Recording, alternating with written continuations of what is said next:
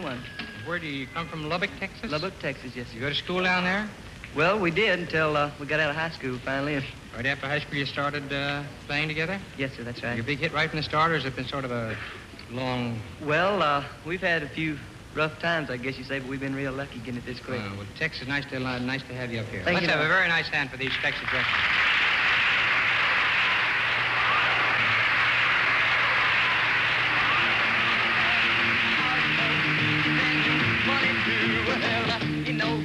Love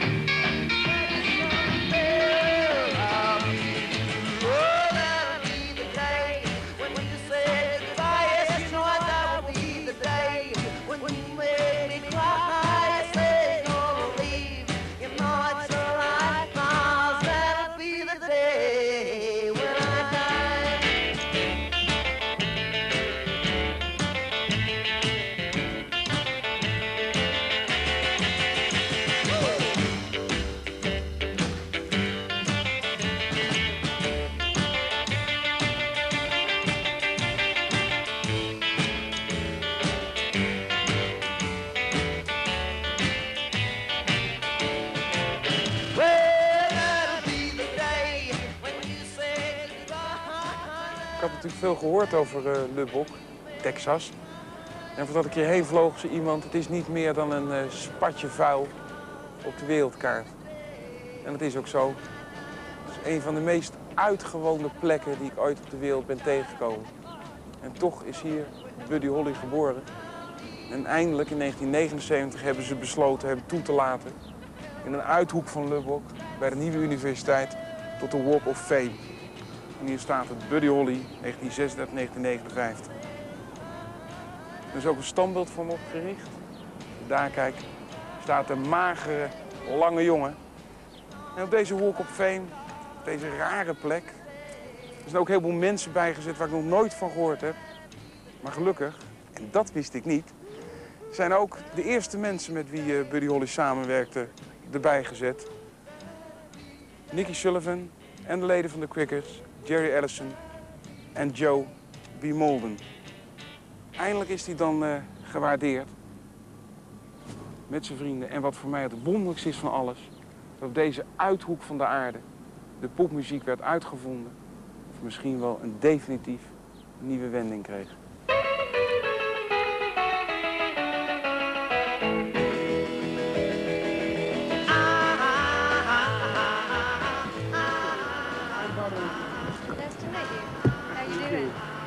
Fine. For the first time in Lubbock, What do you think about Lubbock, Texas? it's so empty. It's empty? Yes, Well, it's uh, spread out, put it that way. and so quiet. It's really nice. I like it. I like it better than Dallas. So you lived here for all your life. What? You lived here for all your No, life. I've lived in uh, Dallas for quite a while. I was born and raised in Lubbock, though. And now you're back in Lubbock. Right. I like it. It's really a fine place. People are friendly and everything. You've noticed that. Did you meet my dad? No? And if, I know him from the film. I know his face. This is my dad, Larry. Hello. Hello, Boudewijn. Larry Holley. I'm glad to meet you. Glad to meet all of y'all. Uh, I gave you the wrong block, but this this is it. You fine. Y'all like to go on in now? Yeah? My mother will be here in a little bit. Hello. How are you? I'm a, a fan of Buddy Holly. Oh, you are? Yeah, I'm a very, very, very big fan, a great fan of Well, your son. thank you. And I think he made a new sort of music in the 50s. It was very new then yes. in the 50s. Yes, he really did. Uh huh. But when you hear the music for the first time, what were you thinking then? Well, of course, I enjoy it, and uh, I um, I feel like that Buddy picked up some of his music from me. I used to sing a lot, and uh, fact is, I grew up singing.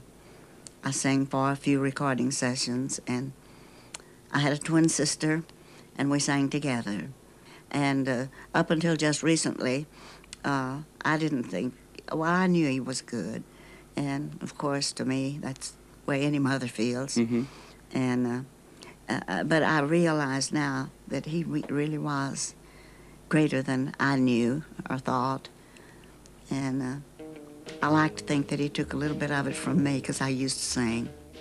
Maybe, baby, I'll have you. Maybe, baby, you'll be true. Maybe, baby, I'll have you. And saw you, uh, your brother playing the guitar the first time. Do you remember that? He got with uh, one of these Maines brothers, the older Maines brothers, and they were playing on the school bus. This this other boy would when they'd ride the school bus out to Acuff, east of town here. And Wayne Maines um, taught Buddy some chords on the guitar, and Travis, my brother, taught him some chords, and he just started picking it up in various places when he was about 15 years old, 14, 15. And boy, I mean, he grabbed it quick. It just, first thing we knew, he could play and sing old Hank Williams songs Yes. and do the yodeling and everything. And And uh, you played together also in your, uh, yeah? when we were very young, I, when I was about 14 and Travis was 12 and Buddy was six or seven, well, we was on a stage show, uh, on several of them, amateur shows, and Mm. Buddy played with us. Mostly Larry played the violin and I played the accordion, which was a weird combination, but we would enter talent contests, amateur talent contests, and for the most part we won them. Where's Buddy. At one time, Buddy played with us in one, and we won it that night. Yes? And I think due to Buddy. And do you remember the song then you played? Uh, yeah, yeah? Song, please? it was uh, called River of Memories. It's a song by An old, old song. It was, uh, I don't even know where, who wrote it or anything, but I believe Mother taught it to us. Buddy come to me one day and said, Larry, I found a banjo that a guy wants to sell cheap. And I said, well, you can't play a banjo. And he said, I can learn it. And I said, okay, let's go take a look at it. And we went over to this guy's house and we got it for $10. Well, this banjo was hid all these years and I found it over at Mother's house about, oh, two or three months ago. And actually, it hadn't even been opened, except I just opened it a minute. Uh, the strings and all Can have a look inside? Yeah, yeah, we can look at it. It's a, it's a heavy thing. But Buddy got to where he could play it. Let's see if we can get it open. I think there's another one. Yeah, it's just a, but it's sort of pretty on the back. it's out of tune, and it's just exactly like Could you play the banjo? No, I can't. No? Especially out of tune one. I don't even know how to tune one. no. It's a beautiful one. He's in a beautiful uh, shape, See. isn't it? uh-huh. And you could remember playing him on the banjo? On the banjo? I remember him piddling around with it, and he could play pretty good. In fact is, he came in one day and said, hey, let me show you something. He sat down at our piano and played Fats Domino's Blueberry Hill, just like Fats. He'd been on tour with Fats Domino, and I said, I didn't know you could play the piano. He said, well, I watched Fats for a while. Ergens, ergens, daar in dat huis, zat iemand zo op een gitaartje zijn liedjes te oefenen. En een gedeelte van die banden, van die originele banden, is nog bewaard gebleven. Dat is voor mij fantastisch. Om eens een keer te kijken waar de muziek dus echt een nieuwe wending aannam. Het slagwerk van Allison. Fantastische gitaar Buddy Holly. Die andere gitaar van Mol. Dat huis. See what it sounds like of it. Huh? Did you record it? Do it. Okay, let's do it.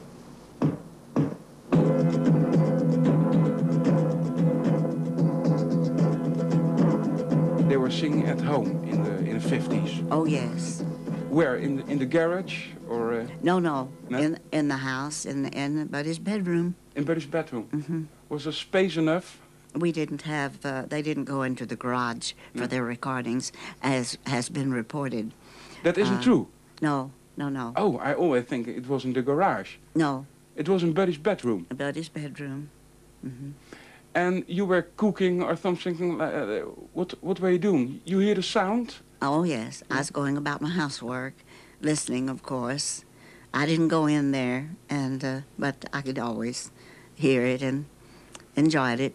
And uh, I'd, I'd make an appearance in there occasionally and maybe make some remark about uh, a little change here what kind there. of remarks? Could you remember one remark? Not too loud or something like Uh-huh. that? Uh, yes. Yes? That's right. And you're singing that a little bit too loud, I believe, and and uh, you might tone that down a little bit. And uh, and and Buddy, sing that the way you sang it the other day. Young people about his age could tell that he was doing doing it good, you know, doing it great. And I started just hearing him a little bit over mothers, and and then I started having him bring his guitar out on the job whenever we were doing some tile jobs, and it got to where he didn't have to help much. All he had to do is sit on, on the tile boxes and, and play request.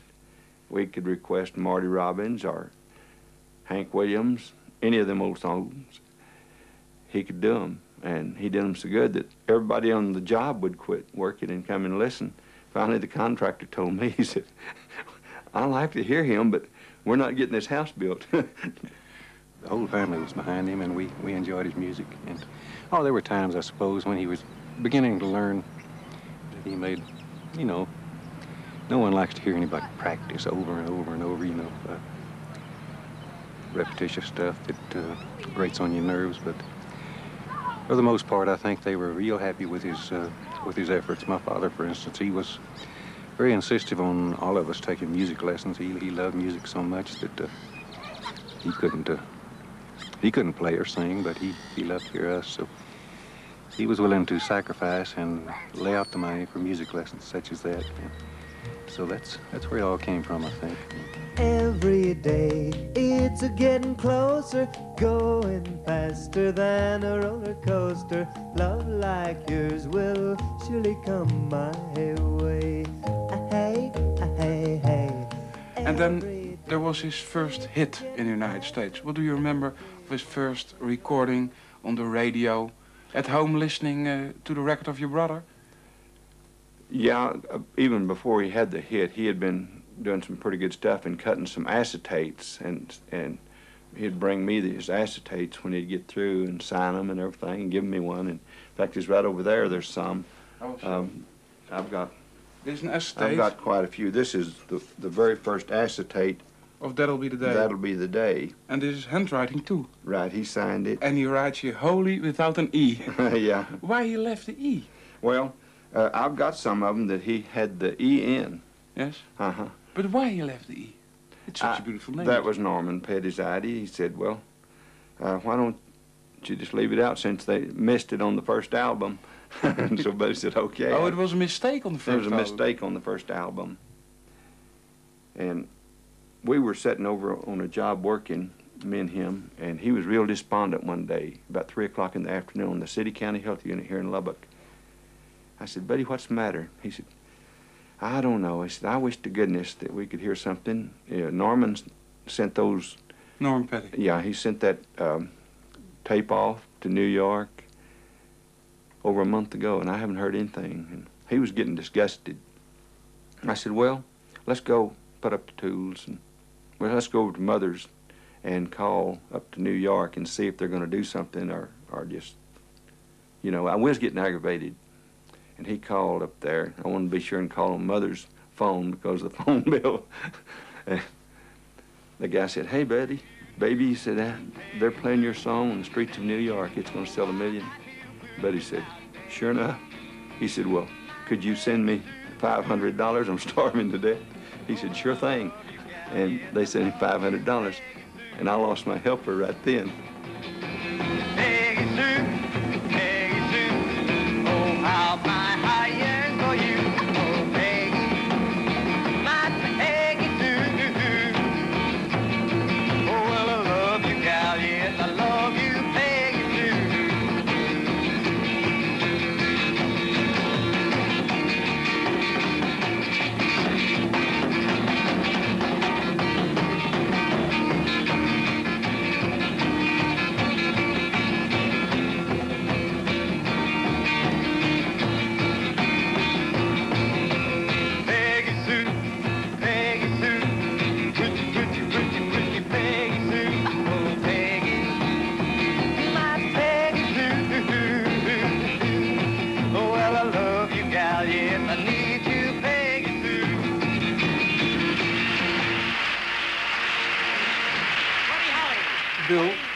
You are the boss of the Buddy Holly Society. Is it Memorial Society, isn't it? Correct. Yes. I'm a fan, and you are a great fan too. But uh, could you explain what's so special for the, the other people in the world who never heard about Buddy Holly? Number one, it's very happy music. Uh, if you're having what we call over here a downer day and you're feeling sad, you put his music on, you feel better. Number two, he always spoke in the first tense. He's speaking to me, not to everyone else, but right to me. And I think a lot of his fans feel the same way with his music. I think his clear bell-tone voice, his, uh, his good clear licks on the guitar, and uh, the lyrics of his songs that uh, were so not repetitious, but uh, they told a story. And then, too, for the most part, Buddy's songs were happy music. There were a few, you know, tear jerkers, but anyway, uh, what everybody seems to like about him is the, the happiness, the beach, you know. And Mm-hmm. I'll tell you one thing I remember. We were in a theater with a very wide stage, and when they came out, two crickets stayed on one side of the stage, drums in the middle, and Buddy went to the other side and played to the people in the poor seats, the side rows that don't see as well. I thought that was very, very nice. I really did. What was the first shock for you? The first shock was March of 58. I went to see the Crickets, my favorite group, do That'll Be the Day, and did not, I hate to say, know who Buddy Holly was. The records all said Crickets. I went to see him do That'll Be the Day, and one of the songs they did was Peggy Sue. And I said to my friend, that sounds like Buddy Holly. He said, that is Buddy Holly. And that's how I knew Buddy Holly was one of the Crickets. You're one of the original crickets. That's right. And you played with Buddy then 10 years, nearly 10, 9, 10 years, nearly? Um, 54. 54 till probably- 58, isn't it? 54 to 58, yeah, just about four years. And then you split Four, up. five.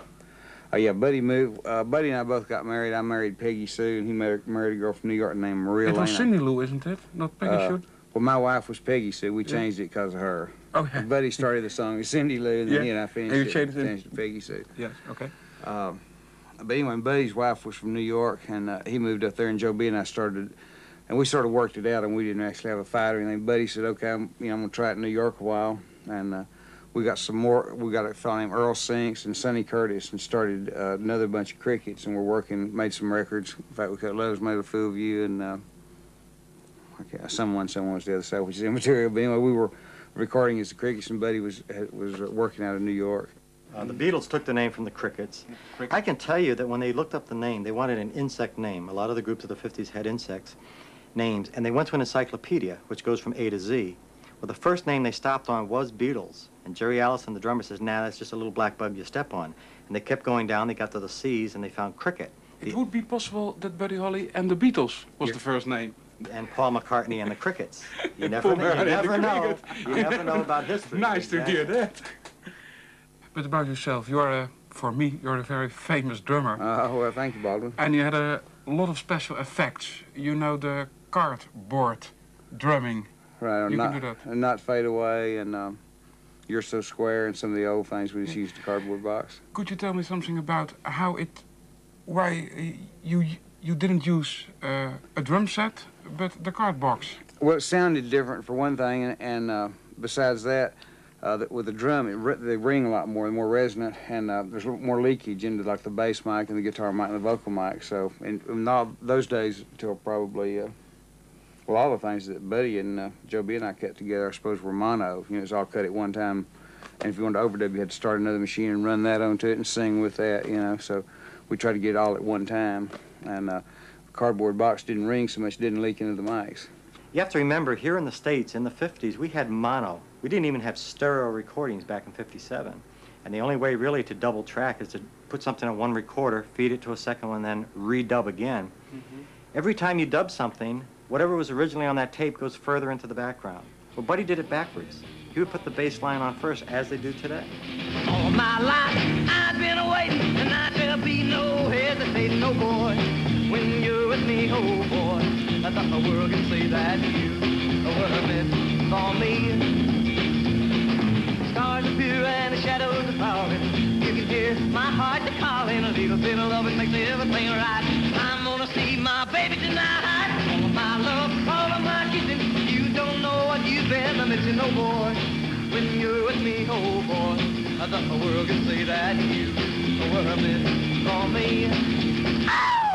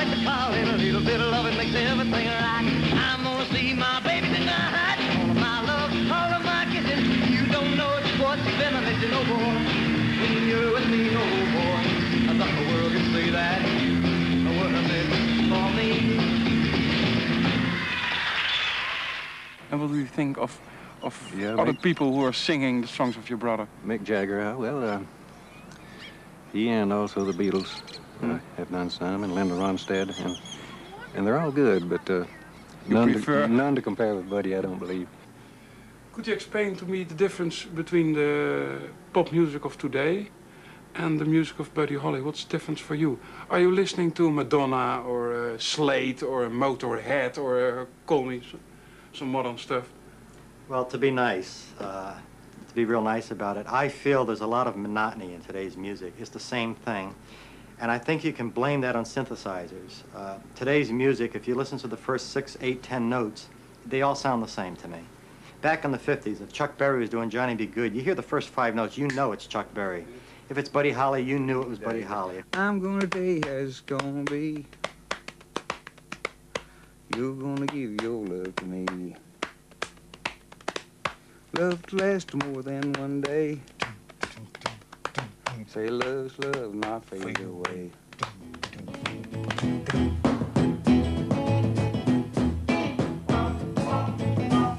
Your love for me got to be real.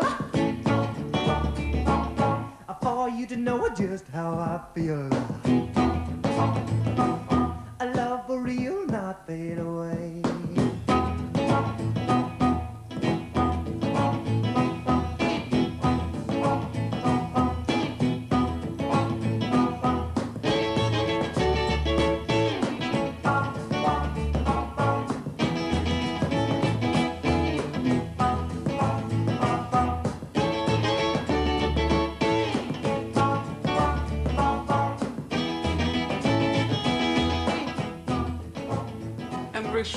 One secret for me in his life. I've talked about a lot of people about Buddy Holly, and he's like an angel for his family, for his mother, for his wife. I've interviewed his wife six, seven years ago. You've read that story from Little Richard in his book about Buddy Holly. Yes, I have. What do you think of that? A, I do not believe it. But B, I'm sure. if it happened, if it happened, It was it certainly uh, would not be before Buddy had to go on explained stage. it was about sexual things Buddy Holly was doing. And I'm not show. saying he didn't do that, but he was not a saint. Uh, Buddy has been But called. his brothers and his mother is, are talking about a saint. Well, Buddy died at the age of 22 and really did not have time enough to fail, if you will, as a lot of the other artists that To went be a on. devil. Yeah. To But Buddy. Buddy has been called the gentleman of rock and roll. I defy you to find an onstage picture of him without wearing a shirt and a tie. He was always very clean. He made glasses okay to wear, uh, wear on stage. He was deeply religious. Uh, he donated money to his church when he was alive. So again, I'm not saying he's a saint, but he's what we call a nice person in the nicest sense of the word. Well, he had a lot of sympathy for other guys. He um, he wanted to help others, and uh, he did help a few. I can't recall just who they were, but um, he was always glad to help someone else get into the music business, and uh, uh, and did. hmm But I don't recall just who they were. I've got my own memories of Buddy, and I know how I want to remember him, not how some book will start getting me to try to remember him that way because, you know, um, they make mistakes in those books and things, and uh, Could you uh, tell me an example of a mistake? well, since I haven't read the book, I, No, I but but I you've know heard there'll be- about it. Yeah, I, I, little, little old things, nothing serious at all. Yeah, I don't know about what was in Little Richard's book. About some sexual things. Oh, about, yeah, well, I uh, wasn't with- there, so I don't. I don't know. You don't know that. I don't know about Is that. it true? Or is it untrue? Uh, is it gossip? It could be I, only I'm, I imagine it's gossip. I don't. I don't want to call Little Richard a liar. You know, if he was there, because I wasn't there. You know. But I mean, Buddy Holly drank a beer and smoke a cigarette. He wasn't. Was he wasn't an angel, you know. He's just No. a guy But like the rest perhaps us. uh, they make too much an, an angel of him. I think he's one so. of the greatest in, in rock and roll history. But Uh, right, he was an awful good singer, but he wasn't. Uh, he was not angelic. he was not angelic. No. And you? Oh, no, still not. I don't suppose. Uh, no, I don't believe that I've uh, read a thing that uh, would make me angry. Uh, But they've written a lot of lies too, I think. yes, yes, I think so. Yes. Yes, fiction mostly that they've put in, and uh, uh, that's all right with me. It's all right with you. Uh huh. If it, you know, if it is anything bad, and so I, I don't know of a thing that's been written that's been bad about Buddy. Uh, have you? No. No. It's all most all been good. Yeah.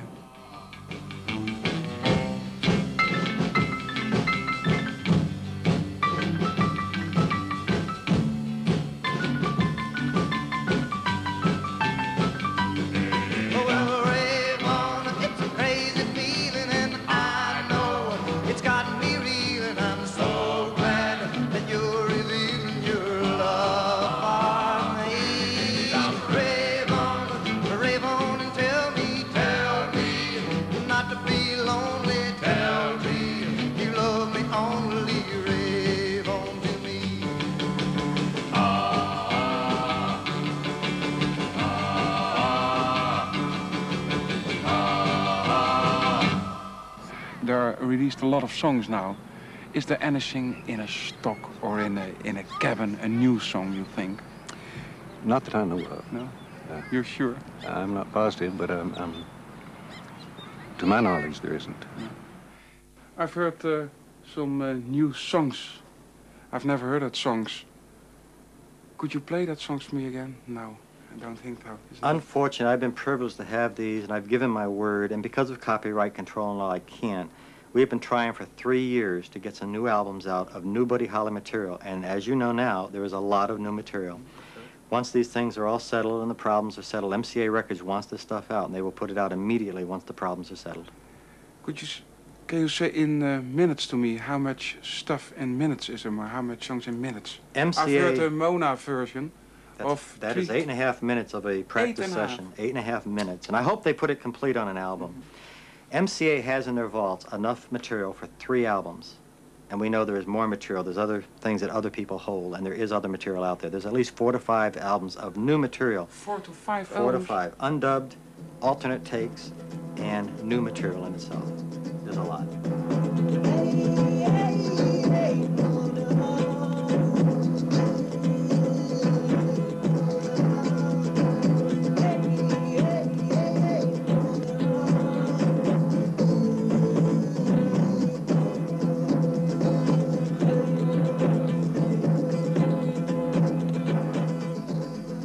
What's the most favorite song of your brother, in your opinion? Well, there's several. Um, I like Send Me Some Lovin' real well, and I like It's Too Late. It, in fact, as he did that song, It's Too Late for me. She's gone. And he brought me, I just had to aggravate him into doing it, and they did it on a one-cut deal. He brought me the acetate and signed it and gave it to me. And Brown Eyed Handsome Man is another one that I had him do at my request.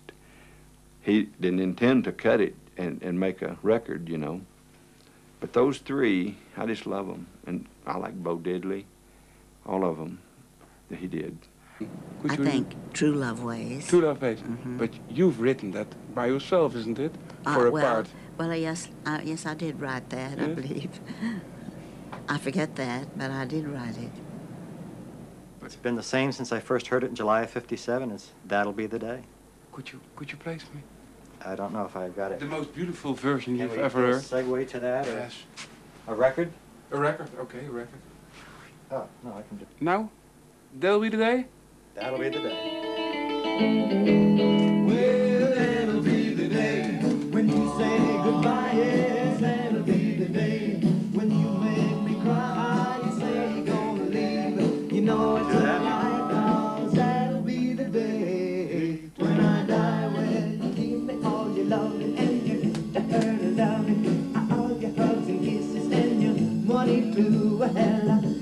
You love me, baby. Still you tell me maybe that someday, well,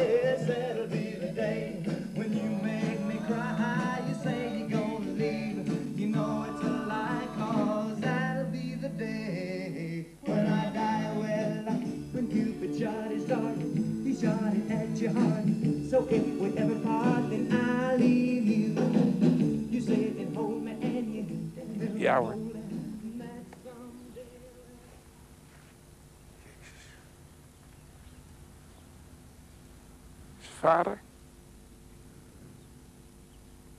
En hier is hij.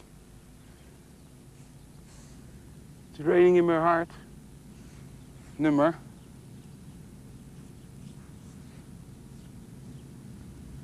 Crying, waiting and hoping. Peggy Sue. Peggy Sue got married. Not Fade Away. And that'll be the day. And it doesn't matter anymore. Het laatste nummer eh, wat hij bij zijn leven heeft uitgebracht. In een georchestreerde versie met violen. En het doesn't matter anymore. Het doet er niet meer toe. Dat nummer stond op de Amerikaanse hitparade. Toen hij neerstortte in eh, begin eh, 59. Die begrafenis, het is heel raar geweest. Hij was nog niet zo lang getrouwd geweest met eh, Maria Elena, een Puerto Ricaans. Die is niet op de begrafenis eh, geweest. Naar verluid was ze ziek van verdriet. Wat mij hier zo eh, verbaast eigenlijk op dit kerkhof... dat is me meer opgevallen bij eh, graven van rock'n'roll helden... is dat het lijkt wel of er nooit iemand komt. Het lijkt wel of de rock'n'roll wereld hun helden niet bezoekt. Geen grote hoeveelheid met eh, bloemen, geen monumenten. Hij heeft er nog een standbeeld. En ja, ik heb zo'n beetje het idee van... een hele lange reis in mijn kop. Dat die volbracht is. Dat, eh, ik ben naar het graf van Buddy Holly geweest. Ik heb al zijn sporen gezien. En dan sta je hier op dit eh, troosteloze kampement. Dus een graansilo, een rangeerperron en eh, elektriciteitspalen. Misschien is het ook wel beter zo. Hé, hey, Bud.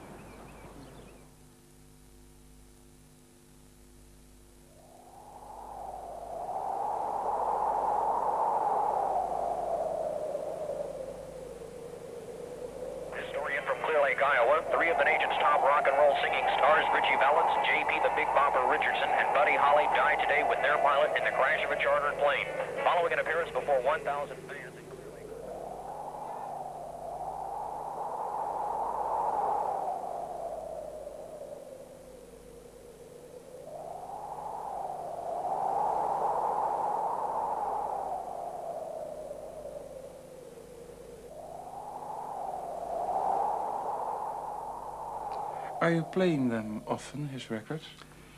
Quite a bit lately because I've been really.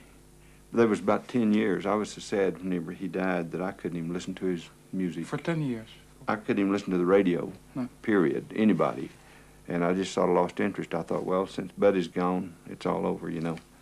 But later on, I, the fans started calling and saying, how do you like this song or that song? And I thought, I better listen to him, you know, some more. And, and I started realizing then that he could he could put some feeling into it that I had never heard anybody else do. And now we've got another one. We was wondering if somebody would ever discover Buddy. And sure enough, he did. They did. Um, finally, they discovered him. I remember that uh, a, well, a good friend of ours, Niki Sullivan's Yes. mother, Mhm. called and wanted to know if we were listening to the radio. And I said, Oh, yes, we listen to the radio a lot. She said, Well, uh, have you heard anything? And I said, Well, I don't know what you mean. I said, We're listening to music. And she says, Well, there's some news, and I wonder if you've heard it. And I said, Well, no, I haven't. Just what, I, well, what are you talking about? She says, Well, maybe I'd better find out some more about this, and then I'll talk to you later. And uh, then I told my husband, I said, turn the radio on and let's uh, uh, hear. Uh, I t- told him what Mrs. Sullivan had said. That was Niki Sullivan's mother. And I said, let's turn the radio on and see if there's some news. And immediately we heard there's been a small plane crash.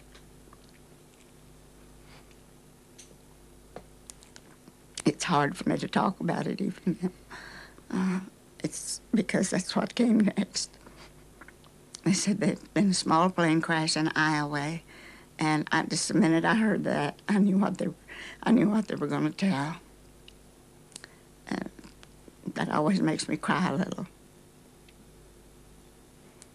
because that was a sad time, very sad for us. But uh, that's what came. Just the minute we turned the radio on, so there's been a small plane crash up in Iowa, and uh, I knew that's where Buddy was. You know, you knew that. And that's all he had to say. I knew the rest of it. Yes. I didn't even listen to the rest of it. But of course, we heard it later. Yes.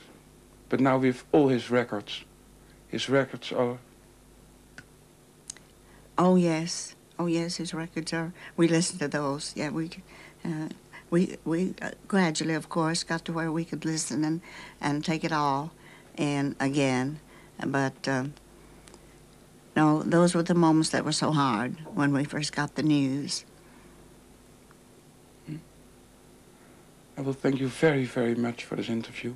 Well, I thank you. And it was a great honor to me to talk with the mother of Buddy Holly, Yes. the rock and roll star. Yeah. Okay. Well, I admire your son. Well, I hope I've, uh, I hope I've uh, uh, uh, pleased you with, with my question, You've with my answers, and and uh, and given you what you'd like to hear. I do the best that I can. And thank you very much. Thank you. Okay. I will help you from the chair, please. Yes. Okay. We're through now, are we? Yes, we do. Oh. I'm a little bit heavier than I look. Come on. Yeah. Thank you. Are we through with this then? And now already? you go listen to your granddaughter. I certainly hope that I have said something that uh, It's okay. To that was all right. Thank you very much.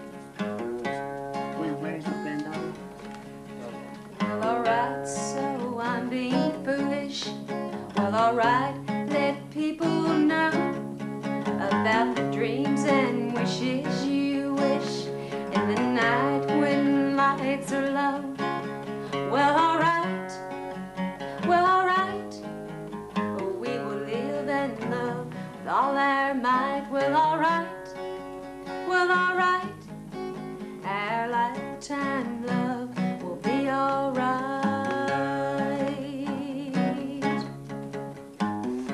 zij vertelde natuurlijk als moeder. En ik weet dat ik aan de radio eh, hing. Ik hoorde het op Radio Luxemburg een dag later. Dat is de enige popzender die we toen hadden. En dat hetzelfde moment opeens mij weer terugkwam. Ik vind me een ongelooflijk sentimentele draak, dat weet ik ook wel. Maar eh, het deed me echt wat. Ik dat hele interview denk... Ik wil eigenlijk alleen maar praten. Niet omdat ik zo graag over dood wil horen. Maar gewoon omdat het zo'n ongelooflijke betekenis heeft gehad. Ook, eh, ook voor mij en al die andere rock'n'roll fans. En opeens met die moeder hier te zitten, dat vind ik zo'n fantastisch moment. En de radio betekende nog wat. En dat geldt aan alles. De radio maakt de rock'n'roll. En op de radio hoorde je ook dat je, dat je zoon eh, overleden was.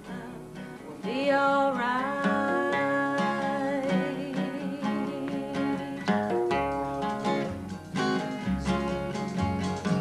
Well, alright, well, alright. We will live and love with all our might. Well, alright,